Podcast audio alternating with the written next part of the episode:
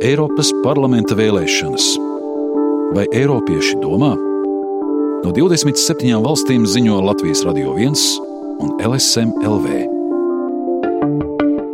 Vācijā Eiropas parlamenta vēlēšanām būs arī iekšpolitiska ietekme.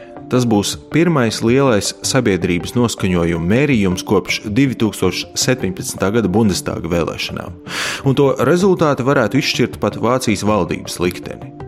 Iedzīvotāju acīs gan Eiropas vēlēšanas netiek uzskatītas par sevišķi būtisku notikumu. Vismaz tā tas bijis līdz šim. Bet varbūt šoreiz Eiropai tik trauksmēnos laikos viss būs gluži citādi. Mans vārds ir Toms Ansītis, un šodienas raidījumā īstenības izteiksme 15 minūtēs stāstīšu par pirmsvēlēšanu noskaņām Vācijā. Lai arī ekonomikas augšupeja ir sākus bremzēties, pagaidām Vācijai klājas tik labi kā vēl nekad. Nākamo gadu Vācija sāks ar visu laiku lielāko budžetu. Jaunus rekordus sasniedz eksports, palielinās algas, un bezdarba līmenis ir zemākais kopš Vācijas atkal apvienošanās. Tomēr šie izcilie rādītāji iet roku rokā arī ar pesimistisku skatu uz nākotni. Piemēram, sociālai pētnieki izdod arvien jaunas grāmatas par aizmirsto, irstošo vai pat jau izzudušo vidusšķiru. Augošās bailes no sociālā kritiena, jeb noslīdēšanas lejup pa sociālajām kāpnēm, zaudējot līdzšinējo dzīves standartu, parādās sabiedrisko aptauju rezultātos, tās tematizē rakstnieku romānos, režisori dokumentālās filmās.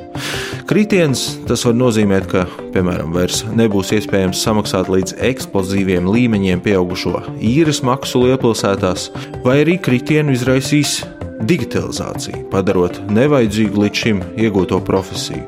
Ienākumi samazināsies, nebūs arī izredzi uz nodrošinātām vecumdienām. Izplatīts pieņēmums ir arī, ka labēji populistiskās partijas alternatīva Vācijai, jeb AFD iekļūšana parlamentā 2017. gadā, lai gan pamatā tiek saistīta ar migrācijas un bēgļu krīzi, bijis arī ventilis, pa kuru izlauzusies šī gadu garumā sakrājusies atstumtības un nenovērtētības sajūta. Lai gan AFD nav reālas varas un atbalsts federālajā līmenī tai pēdējā laikā pat samazinās, politiskā ainava tās ietekmē ir mainījusies. Parlaments ir sadrumstalots, un vēlētāju sodītajiem kristīgajiem un sociāldemokrātiem tikai ar lielām pūlēm izdevās izveidot valdību. Un to jau no apstiprināšanas pirmās dienas pavada spekulācijas, cik drīz tā kritīs. Vai tagad Eiropas parlamenta vēlēšanās gaidām kādi jauni dramatiski notikumi? Partijām tas patiesi būs svarīgs tests, pēc kura novērtēt savas pozīcijas. Tomēr iedzīvotāju acīs Eiropas parlamenta vēlēšanas līdz šim tikušas vērtētas kā visai nebūtiskas. Kā nebūtiskākas salīdzinot ar Bundestāga, Landtāga un pat pašvaldību vēlēšanām. Bet varbūt šoreiz Eiropai tik nemierīgos laikos tas mainīsies. To jautāju laikraksta tāds galvenajam redaktoram Georgam Levičam. Tas bisher die Begeisterung für die Europawahlen so gering war, war das die. Līdzinājais entuziasma trūkums attiecībā uz Eiropas parlamenta vēlēšanām skaidrojams ar to, ka cilvēkiem ilgu laiku nav bijis skaidrs, kas tajās īsti tiek izlemts. Kā reiz teica nesen aizsaulē aizgājušais bijušais Vācijas ārlietu ministrs Klaus Skinkels, Eiropa cieši pati no saviem panākumiem. Vismaz attiecībā uz Vāciju tas ir diezgan patiesi. Lietas, kuras Eiropa atnesusi un sasniegusi, tiek uzskatītas par pašsaprotamām - labklājība, miers, arī brīvā pārvietošanās. Tādā ziņā no sairuma, kas tagad aizsācies, Eiropa savā ziņā varētu būt arī ieguvēja. Tādā ziņā no sairuma, kas tagad aizsācies, Eiropa savā ziņā varētu būt arī ieguvēja. Ja uz jautājumu zīmes tiek nolikti sasniegumi kā brīvā pārvietošanās, atvērtās robežas un pat miers vairs arī nav īsti gluži gluži pašsaprotams. Lielbritānija stājas ārā no Eiropas Savienības, Ungārijā un Polijā valda ļoti autoritāras valdības. Varbūt tas viss mobilizēs cilvēkus. Vācijas politikā pat laban valda zināms nogurums un sastingums, kas saistīts ar lielās koalīcijas darbību. Bet varu iedomāties, ka šoreiz būs citādi, jo šīs Eiropas vēlēšanas patiesi par kaut ko ir. Warum geht es? Par ko tās ir? Es geht schon darum, ob Europa par to, vai Eiropa pati sevī sapīsies un kļūs par pilnīgu neveiksmi. To cilvēki jūt. Šoreiz viens pret otru ir nostājušies ļaudis, kuri vēlas Eiropu, un tie, kuri nevēlas. Klasiska polarizācija. Ja tādi politiķi, kuri Eiropu vispār nevēlas vai vēlas to ļoti samazināt, sasniedz vairākumu, tad tas var arī notikt. Nekas vairs nav neiespējams. Nichts ist mehr unmöglich. Tieši simboli, tēli, devīzes, tādas kā vairāk vai mazāk Eiropas, autoritārismu vai liberālismu, netik daudz konkrēta priekšlikuma ir dominējušie izvēles kritēriji Eiroparlamenta vēlēšanās, tā saka Levišs. Lai gan Vācijai ar 96 deputātiem ir lielākais pārstāvju skaits Eiropas parlamentā, arī viņi vieni paši kādu noteiktu stratēģiju īstenot nespēja. Tāpēc solījumiem vai programmām nav lielas nozīmes. Also, das gibt es schon, aber wer liest schon Parteiprogramme? Programmas jau ir, bet kurš gan lasa partiju programmas? Tās tiek uzrakstītas un pieņemtas kaut kur partiju centrālais. Taču ir profilēšanās, tiek izvirzītas tēmas. Dažkārt tām ir saistība ar Eiropu, dažkārt nē. Bet kas ir politiķi, kuri Vāciju pārstāv Eiroparlamentā? Izņemot dažus pašus populārākos, vairums tomēr ir plašākai sabiedrībai nezināmi cilvēki. Un ar to Vācija ir izņēmums uz citu Eiropas valstu fona. Tā saka žurnālists, bijušais Šveices sabiedriskā mēdīja vadītājs Rožers Deveks.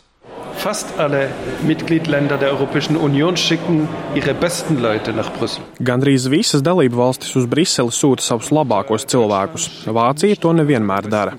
Ir pat tāds ļauns teiciens Hast du einen Opa, Ja tev ir opis, sūti viņu uz Eiropu. Tas nozīmē, ja gribi atbrīvoties no kāda veca politiķa, aizraidi viņu uz Briseli.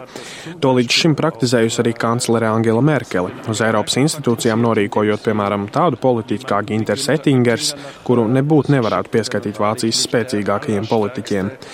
Tikmēr francūži un daudzas citas valstis Briselē vienmēr deleģē augsti kvalificētus cilvēkus ar labām caursišanas spējām.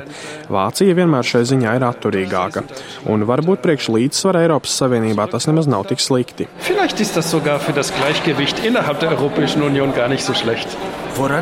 Ar ko tas izskaidrojams? Eine politische Karriere im großen Deutschland ist attraktiv.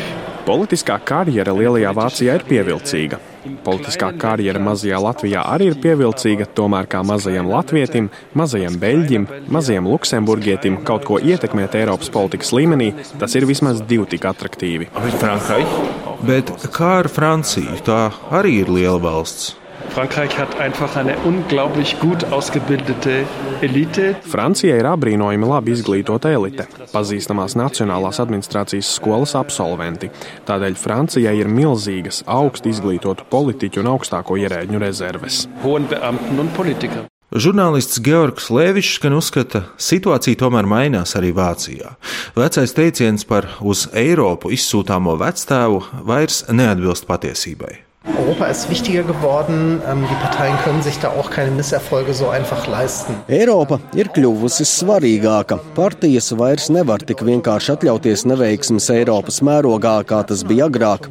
Arī tāpēc, ka tās atstāja ietekmi federālās politikas līmenī. Ja kāda partija Eiropas vēlēšanās cieš sakāvi, tad tā tiek nolasīta arī kā iekšpolitiska neveiksme. Tāpēc vismaz lielās partijas, kā kristīgie demokrāti, sociāldemokrāti, šoreiz ir izvirzījušas diezgan nopietnus galvenos kandidātus. Kristīgie demokrāti virza Manfredu Weberu, bet sociāldemokrāti pašreizējo tieslietu ministri Katrīnu Bārliju. Webers centīsies sevi pasniegt kā nedaudz liberālu zvaigzni. Viņš ir jauns, godkārīgs, Eiropas līmenī ārkārtīgi pieredzējis politiķis. Eiropas parlamenta lielākās frakcijas, Eiropas Tautas partijas grupas vadītājs, kuram vienlaikus ir arī visai labas pozīcijas pašam savā partijā partijā. Viņš parūpēsies par diezgan lielu izrādi. Und, um, Vēbera problēma gan ir, Vācijā viņu nepazīst. Pat Bavārijā Vēbera pārstāvētās Kristīgas sociālās savienības mājvietā saskaņā ar aptaujām viņa vārdu vēl pirms pāris mēnešiem bija dzirdējuši tikai puse iedzīvotāju. Cik daudz iedzīvotāju Vēberu pazīst Vācijas austrumos, Saksijas pavalstī? To jautāju Saksijas parlamenta prezidentam, Kristīgo demokrātu savienības politiķim Matiesam Rēsleram. Weniger. Aber in Sachsen kennen die Manfred Weber immer noch mehr als in Hamburg. Mazāk. Saksijā gan Vēberu pazīst vairāk kā Hamburgā, jo mēs vienkārši atrodamies tuvāk Bavārijai. Taču ir tiesa, ka sabiedrības vairākums viņu nezina. Strādājam pie tā, lai atpazīstamību paaugstinātu. Esmu gan realistisks. Tas var izdoties vien vāciski runājošās valstīs, varbūt arī Austrijā. Mēs vēlētos, lai arī citās valstīs šajās vēlēšanās priekšplānā izvirzītos Eiropas tēmas. Bet reāli būs tā, ka citās zemēs izšķiroša nozīme būs nacionālajām tēmām partijām, nacionālajiem politiķiem un nacionālajām partijām. Austrumvācija ir īpaša arī ar to, ka tieši tur pēdējās parlamenta vēlēšanās īpaši lielus panākumus guva AFD. Saksijā tā ieguva pat 27% balsu, un ar to bija populārākā vēlētāja izvēle Bundestāga vēlēšanās. Ja AFD gūs labus panākumus Eiroparlamenta vēlēšanās, tad vairums šo balsu visticamāk nāks no tā dēvētajām jaunajām jeb austrumu pavalstīm, tostarp no Saksijas. Un no Bavārijas. Viens nu gan ir jāzina - divas trešdaļas AFD vēlētāju nāk no vecajām federālajām zemēm. Jo tur vienkārši ir vairāk iedzīvotāji. Jā, 80% Vācijas iedzīvotāji dzīvo tā dēvētajās vecajās jeb rietumu pavalstīs. Ja AFD gūs labus rezultātus, divas trešdaļas no tiem nāks tieši no šīm zemēm, nevis no Austrumu Vācijas. AFD jau šobrīd ir pārstāvēta Eiropas parlamentā. 2014. gadā tā ieguva 7% balsu un attiecīgi septiņas deputātu vietas. Vēlāk gan partija sāka radikalizēties un sašķēlās. Kā vienīgais AFD pārstāvis Eiroparlamentā palika Jorgs Moitens.